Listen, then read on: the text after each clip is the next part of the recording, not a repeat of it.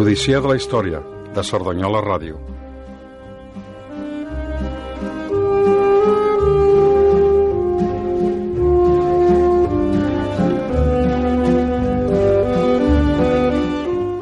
Bona nit i benvingudes avui, dilluns dia 29 d'abril, a un dilluns eh, després del dilluns de Pasqua.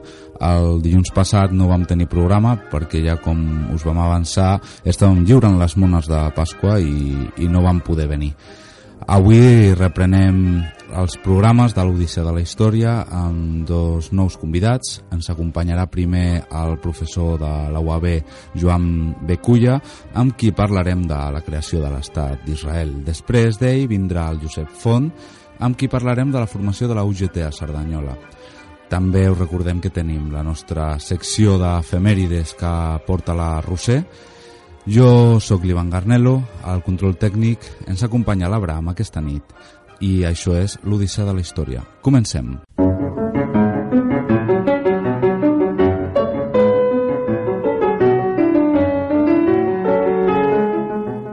Bé, ja tinc al meu costat el Joan Culla. Bona nit. Hola, bona nit. El Joan és doctor en Història per la Universitat de Barcelona i és professor en la Universitat Autònoma de Barcelona, al Departament d'Història Moderna i Contemporània. La seva tesi doctoral va versar amb el llibre titular que és la tesis El republicanisme l'eurossista a Catalunya uh -huh.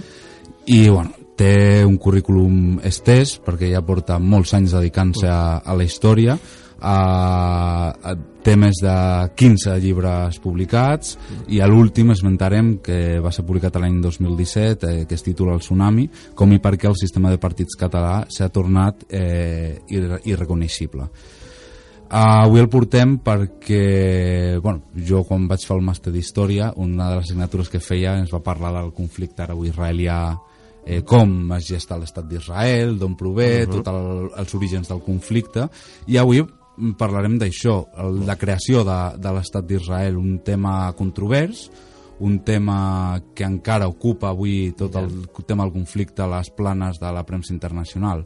Uh -huh. De fet, l'any passat es complien 70 anys de la, de, de la creació, la independència d'Israel, sí, uh, i també el, el 2017, ja fa dos anys, era el 70 aniversari de la resolució 181.2 barra 1947 de la ONU, que és la resolució que, eh, diguem, dona el vistiplau a la formació d'una llar nacional sí, per al poble jueu. Legitima des del sí. punt de vista de l'ONU aquest fet. Sí, Però sí. la demanda jueva és més antiga, del Molt 47, antiga, sí, i sí, sí. Mm, quan, quin és l'origen d'aquesta... Aviam, per intentar ser molt sintètic, no?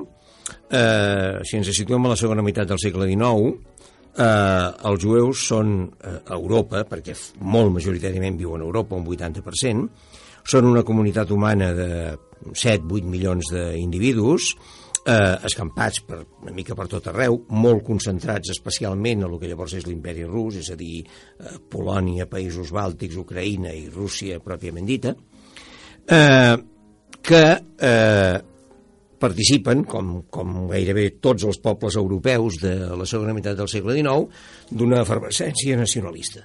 No? Mm, és l'època en què encara hi ha grans imperis multinacionals a Europa, però en què totes les petites nacions reclamen un estat propi. Els finlandesos, els búlgars, els txecs, els eh, polonesos per descomptat, els eh, letons, etc.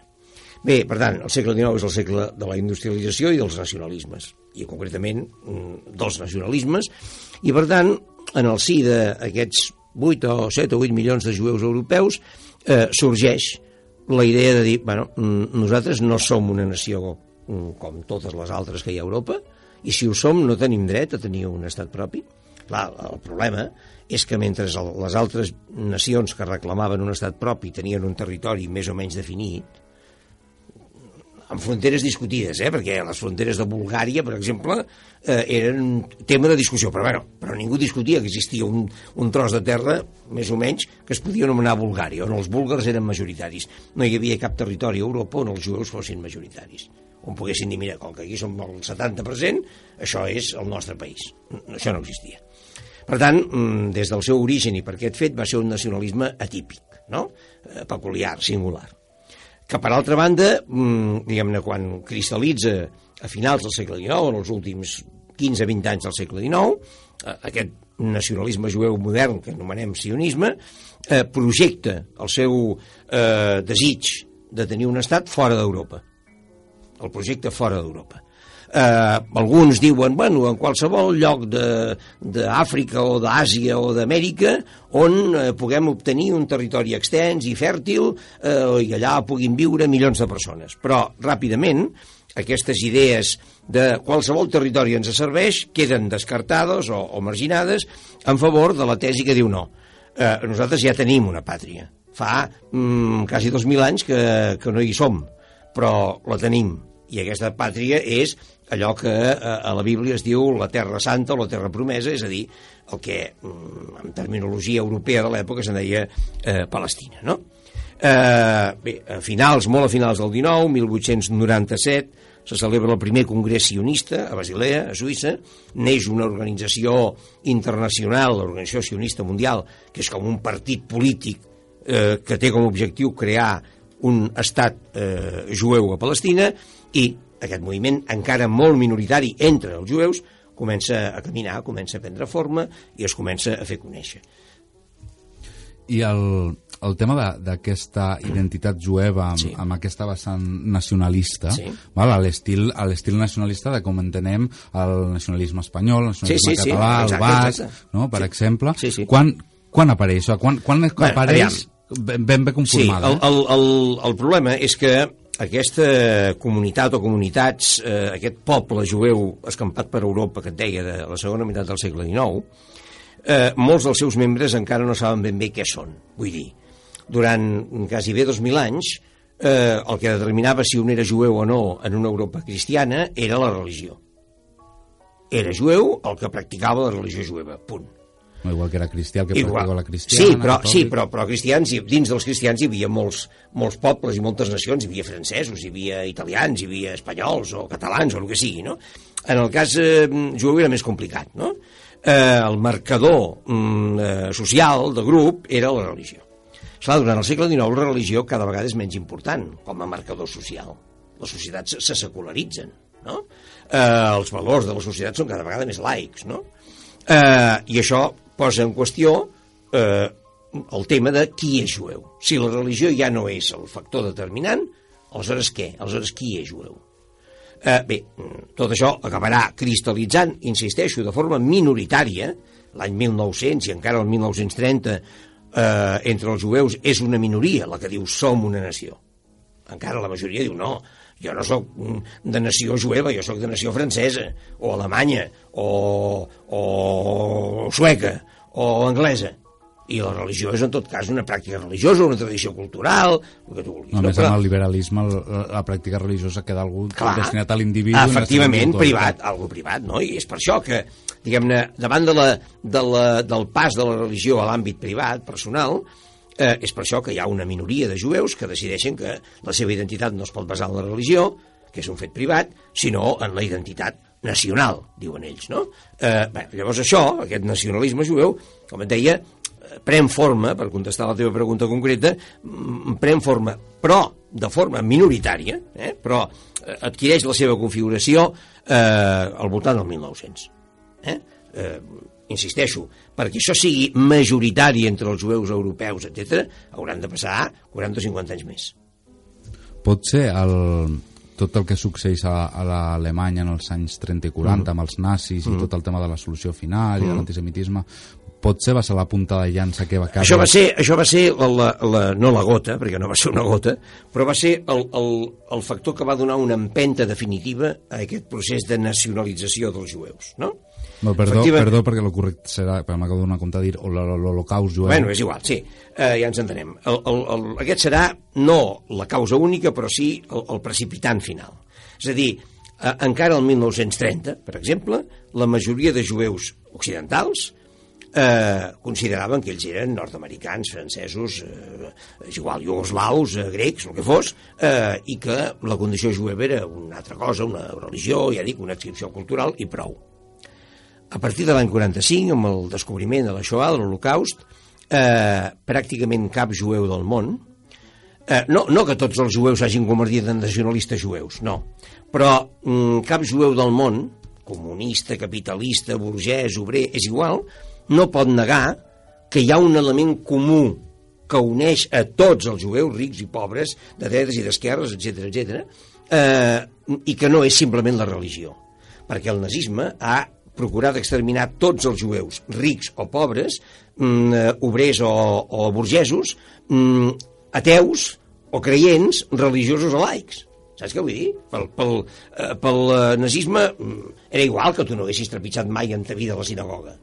Era jueu, en termes racials, segons els nazis, i per tant, eh, eh, dir, no, escolti, si jo no, ni vaig ser circuncidat, ni, ni he fet cap ritual religiós en ma vida, això no et salvava, era jueu i punt, no? Bé, doncs això, eh, que es fa evident a partir de l'any 45, és el que mm, dona l'empenta definitiva a la consideració de gairebé tots els jueus que diuen bueno, jo potser no sóc ben bé nacionalista, jo en tot cas no me n'aniré a Palestina a començar una nova vida en un nou país, però jo crec que els jueus que vulguin anar-hi tenen dret i que mm, el meu suport moral i material no els hi faltarà.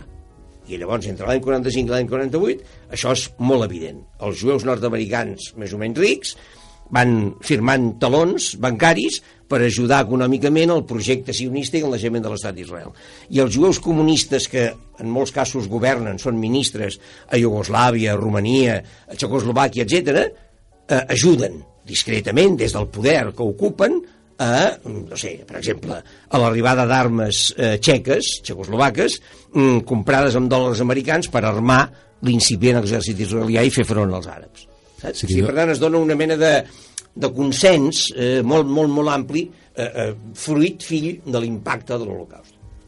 El, parlaven abans de la, de la resolució 181 barra sí. 47 de l'ONU, sí. la que dona el vistiplau, però eh, n'hi ha altre, altres documents, com per exemple la declaració Balfour, sí, de 1917. Sí, sí la declaració Balfour és el, la primera... I, bueno, la pregunta és què sí, és la declaració, sí. declaració Balfour? Sí, la declaració Balfour del novembre de 1917 és el primer gran èxit diplomàtic del moviment sionista.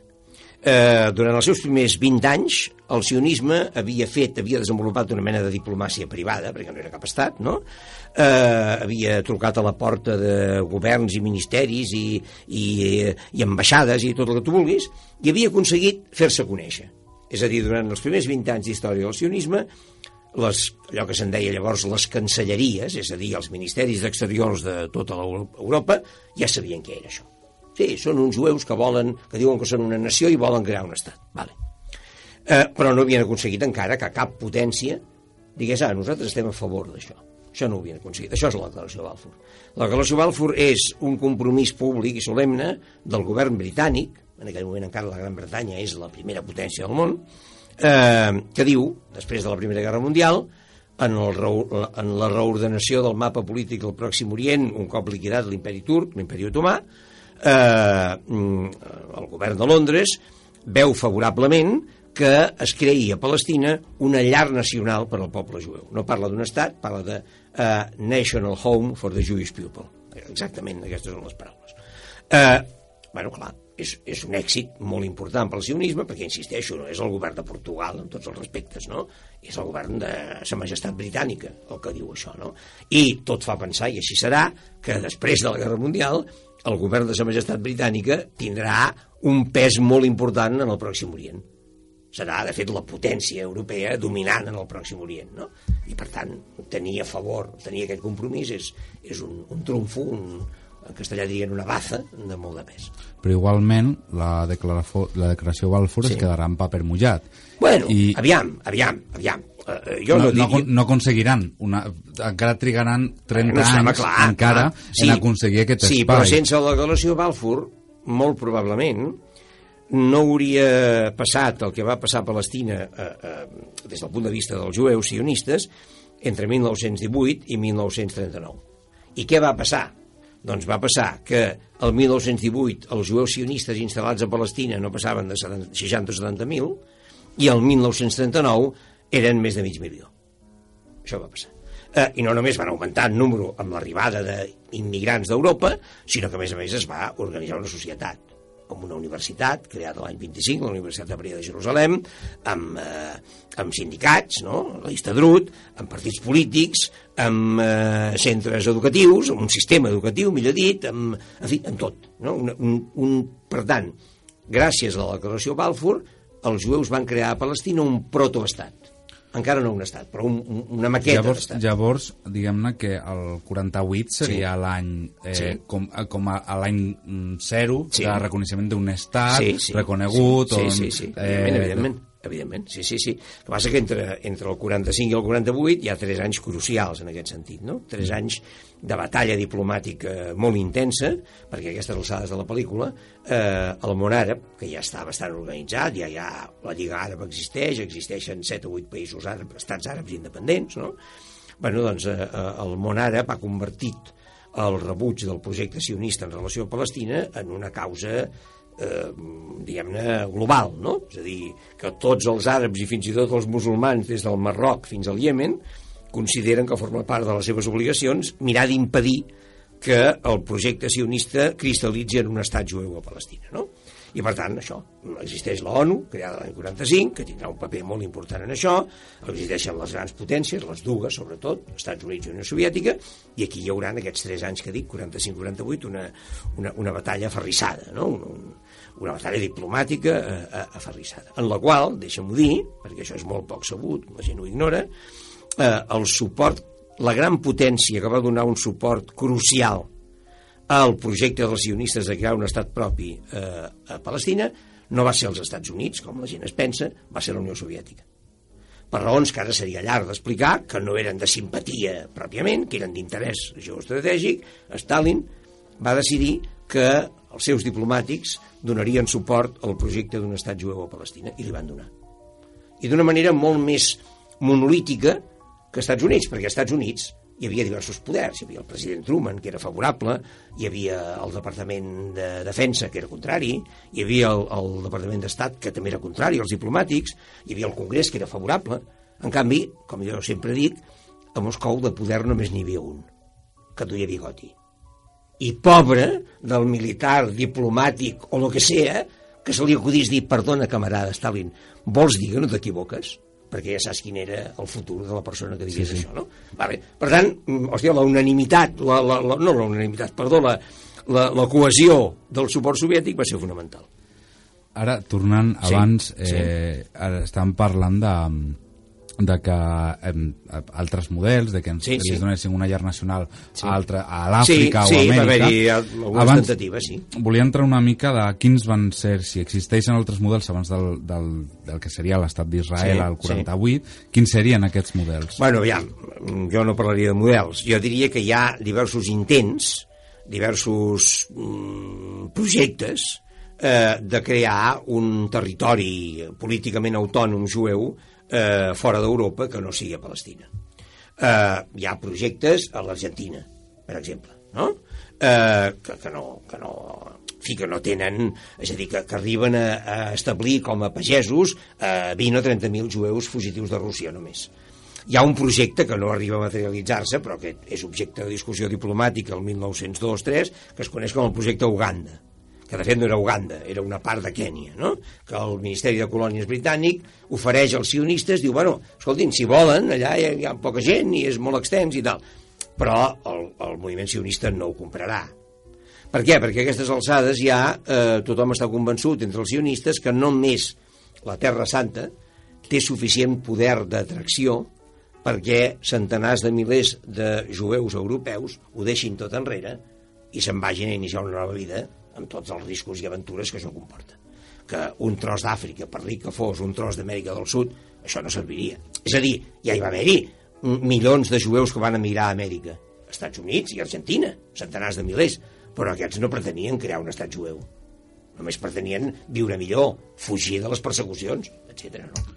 Uh, ja sens, no queda, queden uns minuts Sí. i tinc, tinc encara un parell de, Sí, de, de preguntes uh, que m'agradaria fer. La primera és per què ha sigut un estat tan controvertit i conflictiu? Bueno, ha sigut, eh, això és, diguem, és, és fàcil d'explicar i és dificilíssim d'arreglar, no? Però eh, l'explicació és molt simple, és clar. Eh, quan els jueus diuen, no, nosaltres, els, els sionistes diuen, volem tornar a la nostra antiga pàtria, que és Palestina, la Terra Santa de la Bíblia i tal, aquell país no és un solar buit amb un rètol que diu es lloga o es ven. No està molt poblat, però té uns habitants àrabs, cristians i musulmans, la majoria musulmans, que viuen allà des de fa segles i segles, no? I, per tant, aquells àrabs, que en aquell moment encara no s'autoanomenen palestins, perquè tot això de les fronteres d'aquella regió és una mica posterior, però en tot cas aquells àrabs se senten a casa seva, això sí. I quan veuen que arriben uns, uns d'Europa que compren terres, que s'instal·len, que creen pobles, que construeixen cases i carreteres i camins i tal. Diuen, ei, aquests són uns intrusos. Si continuen augmentant ens fotran fora. És a dir, el problema mm, que fa gairebé irresoluble el conflicte eh, israelo-palestí és que hi ha dos pobles, dues nacions, dues comunitats humanes definides, que totes dues consideren que el mateix país un país de 27.000 quilòmetres quadrats, és a dir, un país, una bírria de país, si em permets, eh, és la seva pàtria. Que no en tenen d'altra i que, per tant, no hi poden renunciar. Aquest és el problema. Que ja, diguem-ne, eh, tots, els, les dues comunitats es disputen el 100% del territori. No és allò Alsàcia i Lorena, que una època eren francesos, una altra època eren alemanyes i així. No, no. Aquí és la totalitat del país el que estan en disputa. Ja l'última sí. pregunta, hem parlat de, de sionisme, sí.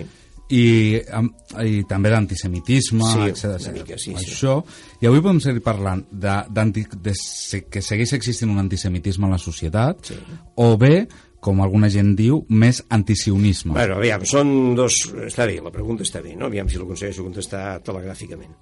Eh, aviam, jo crec que avui segueix havent-hi antisemitisme, i ho veiem en, en, eh, en eh, atacs contra cementiris jueus, hi ha gent que pinta, hi ha nazis que pinten esbàstiques sobre les làpides de les tumbes, etc. Hi ha antisemitisme clàssic. Però una part de l'antisemitisme que hi ha avui en dia tendeix a, com que sap que això de l'antisemitisme és lleig i està mal vist i té molt mala imatge, tendeix a disfressar l'antisemitisme d'antisionisme i diu, no, jo no sóc antijueu, jo no, no sóc contrari als jueus com a jueus. Jo el que sóc contrari és el sionisme i el no sé què, no sé què. És una distinció que en un article acadèmic pot quedar clara. En la pràctica diària i quotidiana és molt difícil. És molt difícil. La prova és que atacs antisemites a França, per exemple, no? contra jueus que no són israelians, que són francesos, que no se sap quina relació tenen amb Israel quan, quan un fa dos o tres anys un islamista africà va mm, atacar un supermercat jueu als afores de París i va matar quatre clients, quatre jueus, no es va preocupar d'averiguar si aquesta gent tenien família a Israel, si hi anaven, si no hi anaven, si eren prosionistes o eren antisionistes, simplement eren jueus, els va pelar. Saps què vull dir? Per tant, eh, aquesta distinció teòrica no. Antisionista sí, antisemita no, ja dic, la pràctica és bastant difícil de, de, de sustentar. No? Bueno, ara tenim la música que ja ens indica que, que hem d'acabar. Joan, moltíssimes gràcies per haver gràcies vingut i haver contestat a les preguntes i haver pogut discernir una mica sobre la creació de l'estat d'Israel. Esperem. Ara bé, la gent que ens escolteu no marxeu perquè vindrà la nostra secció tal dia com avui. Tal dia com avui.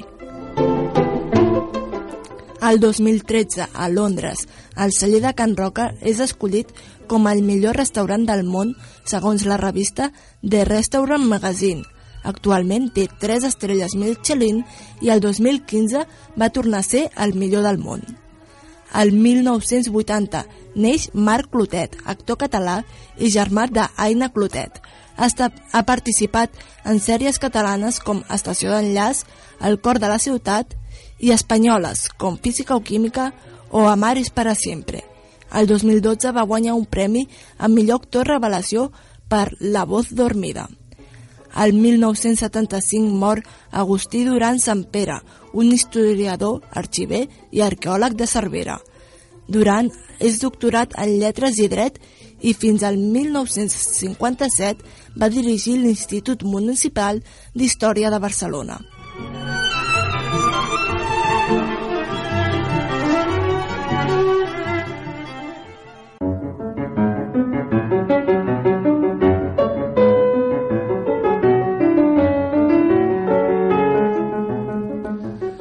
Ja després de la nostra secció tal dia com avui ens acompanya el nostre segon convidat, en Josep Font Bernaus. Bona nit, Josep. Bona nit.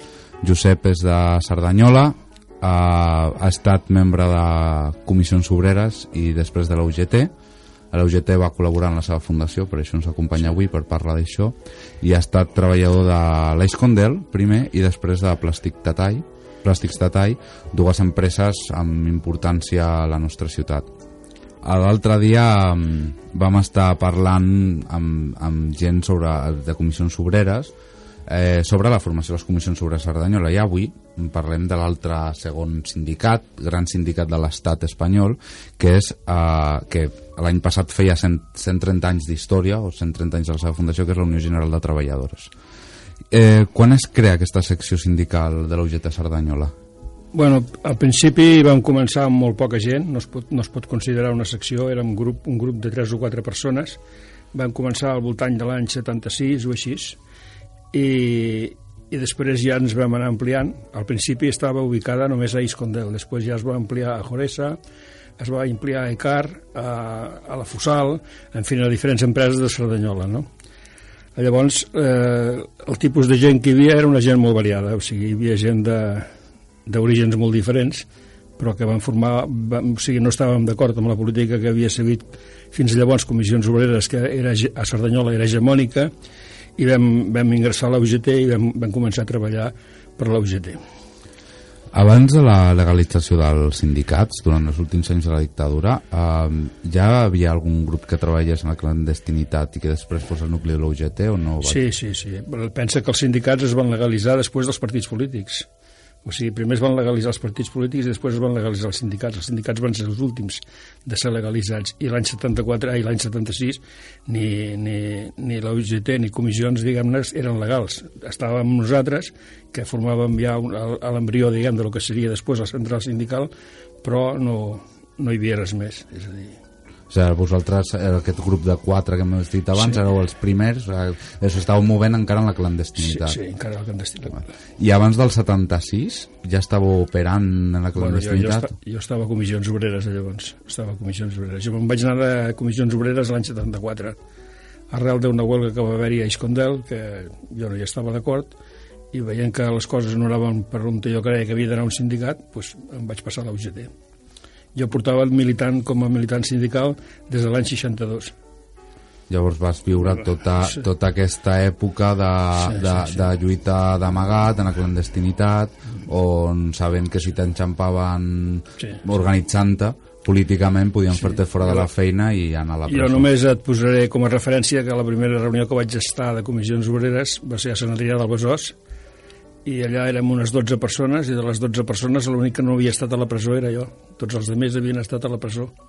Uns a la Model, altres a Sant Sebastià de los Reyes, altres a, al Dueso i en fi, era una gent que tot havia, estava implicat en la lluita clandestina. Inclús hi havia gent que havia estat a Segòvia a la presó amb els de l'ETA no?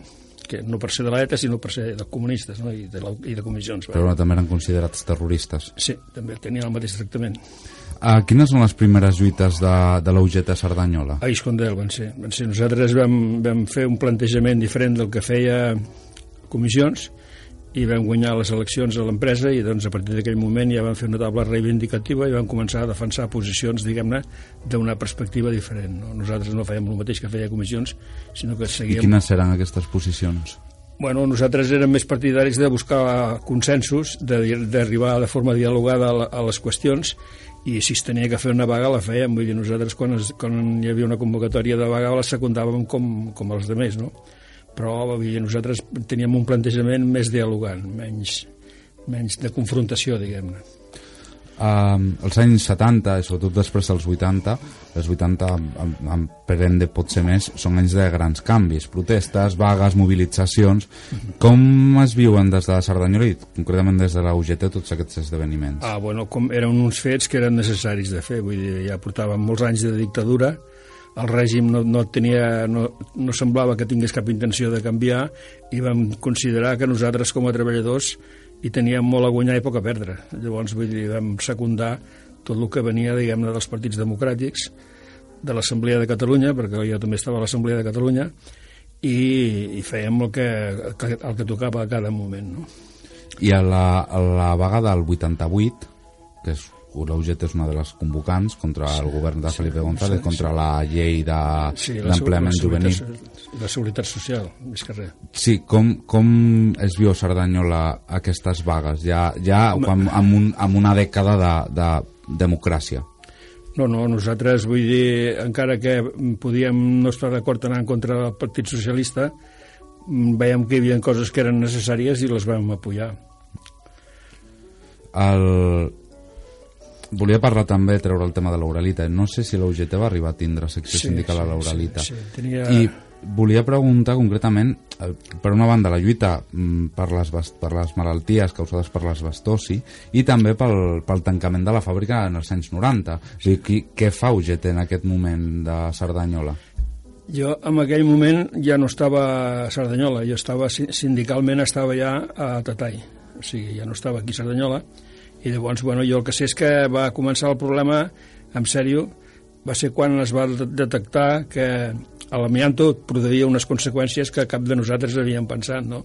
Llavors van vindre uns metges anglesos, van vindre a l'Hospital Clínic i van començar a fer una sèrie de xerrades sobre l'amianto la, la, i les bastosis, no? Um, Cerdanyola Mm, una, estat, una ciutat que en els últims 40-50 anys ha passat, va passar d'una ciutat rural a una ciutat industrial i l'Escondel i l'Uralita són mostres palpables d'aquest fet.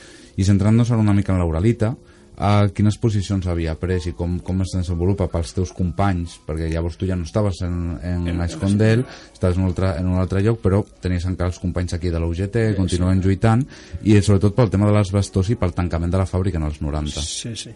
Vull dir, la conseqüència de, de, la, de, la, de la vinguda de metges d'Inglaterra va obrir els ulls a molta gent, no? perquè van explicar coses que ningú sabia. Llavors, això ja va fer prendre una posició, diguem, més dura envers del, de la qüestió, no?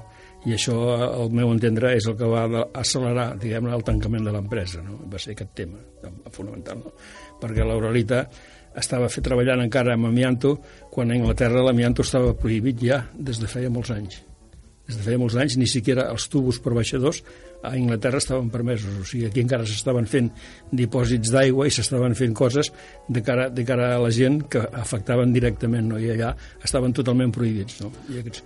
Però quan s'anuncia el tancament de la fàbrica, eh, estem sí. parlant de molta gent que encara continua treballant allà, sí. moltes famílies, sí. i moltes famílies que es queden sense el, el, el seu sosteniment sí. vital per, per lo bàsic, per pagar factures, per menjar, per l'escola dels nens i les nenes, eh, i fins i tot per gent que estiguera pagant pisos, també, lloguers, hipoteques, etc etc. Com, que... com, com afecta, com es viu, que, que com reacciona la, la, sí, sí. el sindicat? Clar, tenen en compte que a l'Auralita hi treballaven unes 800 persones i això va afectar de ple a molta gent, no? Llavors, la, la, la, la política de l'empresa era baixes incentivades, diguem-ne, liquidacions, i els que li sobraven pues, anaven desapareixent, no? anaven, els, anava, els anava acomiadant. No? I mm, el sindicat no protesta contra això? Sí, sí tant, tant comissions obreres com la UGT es van posicionar diguem, a defensar els llocs de treball i a defensar la, la, la continuïtat d'aquestes persones amb alguna cosa. No? Llavors, bueno, de totes maneres, com que una cosa anava lligada amb lo de l'amianto, doncs van buscar una solució pactada i es va buscar la solució que més convenia a tothom. No? Perquè Uralita no dona una, un ajut a dir, bueno, tanquem per això, però intentar buscar recol·locar aquesta gent en un altre lloc, arribar a pactes amb altres empreses... Que jo recordi, no.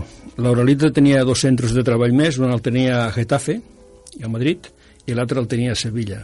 Però jo penso que la gent que va sortir d'aquí, la majoria van sortir cap a casa, no? O sigui, llavors a partir d'allà una altra vegada tornar a buscar, buscar feina, etc etc. En aquells temps ja buscar feina era que ja començava a ser difícil perquè ja era una època que les coses començaven a anar malament i no era fàcil trobar feina hi va haver molta gent que ho va passar malament no?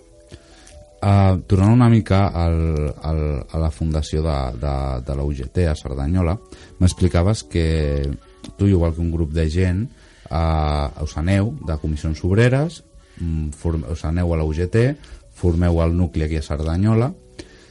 Uh, com, com es viu que entre els dos, aquests dos sindicats, dos grans sindicats, que és cert que en grans trets i quan arriba el moment són capaços d'arribar sou capaços d'arribar a consensos, però a- altres moments que n'hi haurà tensions, n'hi haurà eh, retrets, eh, fins i tot en el moment que s'explicaves que en l'Escondel, Comissions Obreres, perd a la representació sindical i la guanya la UGT, quina és la reacció, quins problemes us trobeu? Bueno, en aquell temps les relacions entre comissions obreres i UGT eren bastant crispades, vull dir, a nivell general, no només aquí a Cerdanyola, sinó a nivell general, però bueno, al final les, les votacions de les eleccions són les que determinen qui té l'hegemonia o qui té la representació dels treballadors, no? I això ho decidíem amb la representació. De totes maneres, jo tinc que dir que hi havia gent de comissions obreres que mai van en contra nostra, o sigui, hi havia gent que sí que tenia unes actituds molt beligerants en contra de la UGT, perquè no li semblava bé el que estaven fent, però també hi havia gent de comissions obreres que col·laboraven amb nosaltres i ens ajudaven inclús a tirar endavant. Um, tant Comissions Obreres com la UGT, a part de sindicats, sempre han tingut un partit obrer agermanat. La UGT és clara amb el Partit Socialista sí. Obrer Espanyol, en el cas català eh, amb el, el que seria el Partit de la Transició, el PSC. PSC, sí. Eh, aquí a Cerdanyola, les relacions entre la secció sindical i el partit, com, com han estat? Aquí el que, és, el que són les relacions entre la UGT i el PSC i també amb el PSOE, perquè clar, hi havia dues branques, hi havia el, la branca del PSOE i la branca del PSC, que com, convivien, no? Pues eren excel·lents, vull dir, aquí no, mai vam tindre problemes de relacions entre partits i sindicats, no? Va haver-hi una, una harmonia perfecta, diguem-ne. I de, de la teva experiència, els anys que vas estar a la UGT, uh, i sobretot els anys de la, quan treballaves a l'Escon de la Cerdanyola, uh, n'hi ha alguna cosa que dius, això, o alguna cosa, això ho van fer malament, això ens ho vam equivocar... No, no, perquè vull dir, es- s'escoltava, en aquells temps la UGT escoltava abans els treballadors. Abans de prendre decisions sobre un tema d'empresa, en aquells primers anys, eh, el tindre una plaça, diguem-ne, de la UGT a Cerdanyola era, era important, no?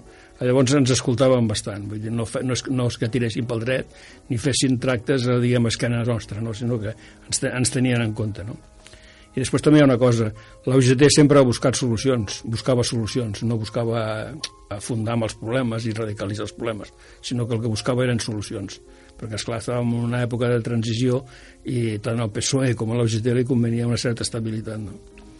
Cosa que, per exemple, el PSUC o Comissions Obreres no ho feia. Sí, bueno, el PSUC tenia diferents variables, no? O sigui, dintre del PSUC convivien ànimes, diguem que eren més partidàries de convertir el sindicat en una simple corretja de transmissió i n'hi havia d'altres de que deixaven fer, diguem-ne, no, no, tampoc no, no s'hi fotien allò de mala gent, no? Sempre, la UGT sempre ha, ha, va gaudir de- d'una independència respecte al partit Sí, sí, sempre, sempre. Més, més ben dit, eh, jo et diria poder que més, més, més va dependre, els, sobretot als inicis, no? més va dependre el partit de la UGT que la UGT del partit. La prova és que la majoria dels que van entrar a l'Ajuntament eren de la UGT. O sigui, i per què? Perquè els- la gent del partit eh, s'hi havia treballat algú amb alguna associació de veïns i para de comptar. Els altres no estaven- no s'havien implicat en res, no? Llavors, al principi, van agafar gent de la UGT. O sigui, a mi em van proposar ser l'alcalde i vaig dir que no, per exemple, no? Però els que havien al León i tots aquests que havien a dintre del Partit Socialista, l'Ildefonso Truel i tots aquests eren gent més de la UGT que del partit, diguem-ne. o sigui, provenien, s'havien organitzat a, a través de, dels centres de treball, a través d'un sindicat i això fa que després s'organitzin políticament, no? És que penseu que la gent més coneguda era la gent que treballava als sindicats. Vull dir, eh, hi havia du- dues, dues formes de, de militància. Una eren els sindicats i altra eren les, associ les associacions de veïns. Mm -hmm. Llavors, aquestes dues coses, la gent que estàvem en aquests llocs érem la gent que ens coneixien mínimament, no? Els del PSUC els coneixien més per l'acció política, diguem-ne, però nosaltres ens coneixien per la militància sindical, no per la militància política. I llavors això influïa, no?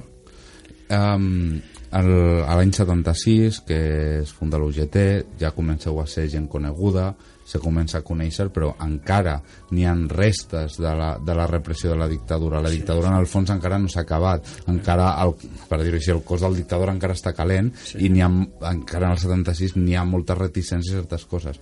Us trobeu amb, amb problemes amb, amb el que serien els cossos de l'Estat, amb els cossos policials? Sí, sí. tot, i haver, tot sí. i estar legalitzats? Sí, sí, sí. Mira, per exemple, quan l'Assemblea de Catalunya va decidir demanar eleccions municipals democràtiques, llavors la persona que van nominar perquè anés a entregar un paper que va decidir l'Assemblea de Catalunya va decidir en, un diumenge al matí entregar un paper a cada Ajuntament de Catalunya demanant eleccions lliures i democràtiques. No?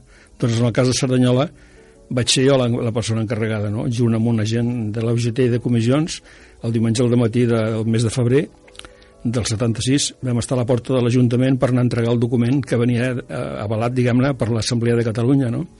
I llavors, quan anàvem a entrar a l'Ajuntament per entregar-li l'escrit a l'alcalde, que estava dalt, que el veiem des de baix, que estava dalt al balcó, a darrere dels finestralls, va sortir el sargento Pizarro de la Guàrdia Civil amb sis guàrdies civils més amb fusells i ens van posar els fusells al, al pit, no? per això perquè et donis una idea. No? Aquesta va ser una. Una altra, per exemple, que et podria posar és que demanàvem que volíem a Cerdanyola un ambulatori, perquè nosaltres, per, per exemple, per treure'n sang o per arrencar-nos un queixal, tenien que anar a Sabadell, a l'ambulatori que hi ha a la carretera de Terrassa. Llavors perdíem hores de treball, perdíem nosaltres i perdien les empreses. I vam estar insistint molt de que volíem que a Cerdanyola hi hagués un ambulatori. Doncs bé, vam anar a Madrid, vam anar a l'Ajuntament de Cerdanyola, vam anar a diversos llocs a demanar l'ambulatori i no, no se'ns no se solucionava el problema. I vam decidir convocar una manifestació a Cerdanyola un diumenge al matí. Convoquem la, la manifestació i bé, a les 6 del matí ve la Guàrdia Civil a buscar-me a mi a casa meva, el, el, el, el Collado, el que treballa a l'Ajuntament de Cerdanyola, i amb un que es deia Luca, que treballava a la Mèlia. No ens venen a buscar els tres i se'ns emporten però com que la manifestació ja estava convocada, la gent es va fer igualment la manifestació. I llavors van enviar dues companyies de la Guàrdia Civil de Santa Coloma que van carregar a, a cops de culata. Sí, no? Però clar, com que era un diumenge i hi havia molta gent que sabia de què anava la cosa, que volíem un ambulatori, molta gent que estava als bars va sortir dels bars i va, va incrementar la, la, la manifestació. I al final la, la manifestació era molt nombrosa, no? i bueno, fins que ja la Guàrdia Civil es va veure obligada a deixar-nos anar perquè quan vam veure el merder que s'estava liant aquí a Cerdanyola van dir, bueno, aquests els tornem cap allà i s'acalmarà la cosa, no? I efectivament vam arribar a l'Ajuntament i vam explicar a la gent que tal i qual i després vam convocar una vaga de 24 hores, que va ser una vaga general, sense ni un sol piquet, sense ni un sol piquet vam fer una vaga general, i després vam aconseguir finalment l'ambulatori que és el que hi ha entre Cerdanyola i Ripollet. El CAP 2 el, el pont, sí, la gent que ens escolta que sàpiga, i el CAP que t'has referit sí. abans de, de Sabadell el CAP, avui el CAP Sant Fèlix. Sant Fèlix, això ho deixo Només que rebel la gent situï una mica i perquè s'imagini sí, sí. si avui, avui ja ens és complicat arribar en cotxe al Cap Sant Fèlix per temes de trànsit i això, imagina't en aquella època fins i tot gent que no tenia, Però, que no tenia mitjans de transport. Penseu que per fer un anàlisi perdies un matí, perquè no hi havia transport públic, només hi havia la Renfe, i tenies que anar cap allà i, i no, espavilar-te, no? I llavors hi perdien les empreses i perdíem nosaltres, i era absurd i l'Ajuntament de Cerdanyola, el senyor Ramírez, que era l'alcalde en aquell moment, que era l'alcalde franquista i del moviment, ens va concedir una entrevista amb el, amb el Ministeri de, de Sanitat i Seguretat Social de, de l'Estat, no? I vam anar allà amb un, amb un abogat d'aquí Cerdanyola que es diu Roig, que treballa amb el Sisquella, i jo i un altre que es diu Rafael Pérez, i vam anar allà a exposar el, el nostre punt de vista sobre la qüestió, no? I ell ens va treure un dossier amb un llibre amb tots els caps que s'havien de construir aquí a la província de Barcelona, i a nosaltres no ens tocava mai, o sigui, era no sortia a la llista, Cerdanyola no estava en la llista. I llavors van ser com van fer decidir fer una manifestació per protestar. No? I a part d'aquesta manifestació pel CAP, eh, n'hi ha alguna, alguna altra manifestació, algun altre acte repressiu sí, sí, que pugueu sí. viure que ens puguis explicar? Sí, bueno, a l'Auralita, per exemple, els treballadors es van tancar en una nau va entrar la policia dintre i sort, sort no van tindre que no passava cap tren perquè per poder sortir sense que els apallissessin van tinguer que sortir per les finestres que donaven totes a la via i no va haver-hi una matança perquè no passava cap tren que si arriba a passar un tren imagina't que tu comencen a repartir llenya a dintre amb una nau tancada i que surts per la finestra i que trobes els trens de cara Vull dir, era, era coses d'aquestes sí. Bé, bé. Aquí, bueno, aquí va estar la brigada antidisturbis aquí amb una vaga que va haver-hi a Escondel l'any 73 la brigada antidisturbis de Valladolid va estar aquí 21 dies i, i, no, i no es movien d'aquí, és a dir, entraven als bars i com trobessin algú que, no, que era treballar a Iscondel o que era indocumentat se l'emportaven i el fotien al model. Mm? O sigui, de coses d'aquestes llavors estaven... O sigui, és una, una mostra de, de l'última sí. repressió sí, de la dictadura sí, sí. a Cerdanyola. Jo només et diré que el dia que va vindre l'antidisturbis a Iscondel, per exemple, hi havia un, un capità de la policia armada que era, portava l'emblema de la policia armada i l'emblema de la legió i, i quan va arribar allà va dir que venguen els del comitè, perquè nosaltres estàvem fent vaga dintre del pati. I que venguen els del comitè, vam anar cap allà i què passa? diu, salís vosotros o entramos nosotros, i a fora hi havia 400 anti, diguem-ne, amb, amb porres i amb escuts, no? I van dir, bueno, doncs ja sortim nosaltres, no? Pues en aquell moment va, va obrir la porta d'entrada a Iscondel, la porta d'accés a Iscondel, i va sortir el, porter i va dir, oiga, que sin permiso del director no se puede abrir esta puerta.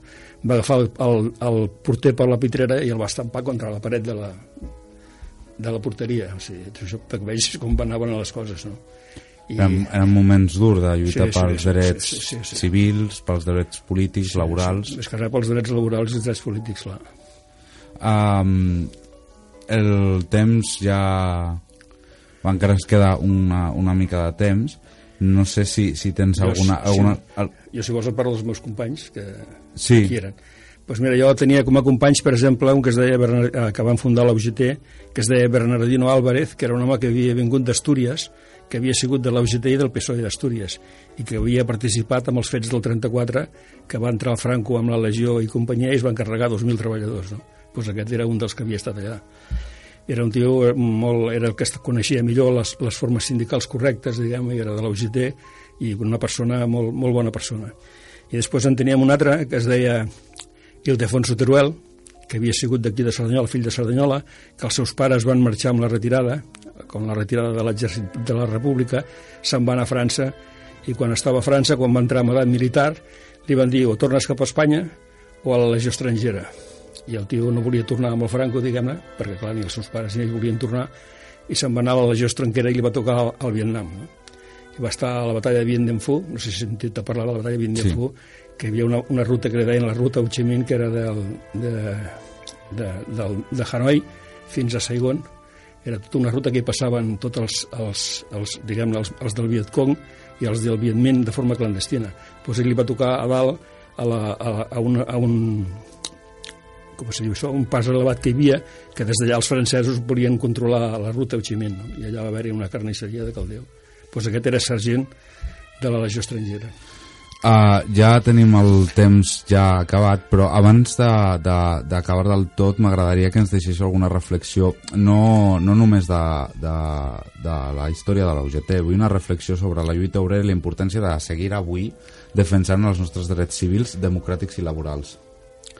Però el motor del canvi, abans i ara, són els treballadors. Si els treballadors i els joves es mobilitzen, tindrem canvis. I si els treballadors i els joves no es mobilitzen, no tindrem canvis. Això està més clar que l'aigua. Bueno, Josep, moltíssimes gràcies per acompanyar-nos avui estar en casa nostra i esperem poder tornar a trobar-te aquí. Ja saps Sempre, que les nostres sí, sí. portes i les d'aquest programa i d'aquesta casa de Cerdanyola Ràdio estaran sempre obertes. Sempre moltíssimes que, vul- gràcies. sempre que vulgueu alguna informació jo us la puc donar, del que jo vaig viure. Eh? Perfecte, gràcies. Vale.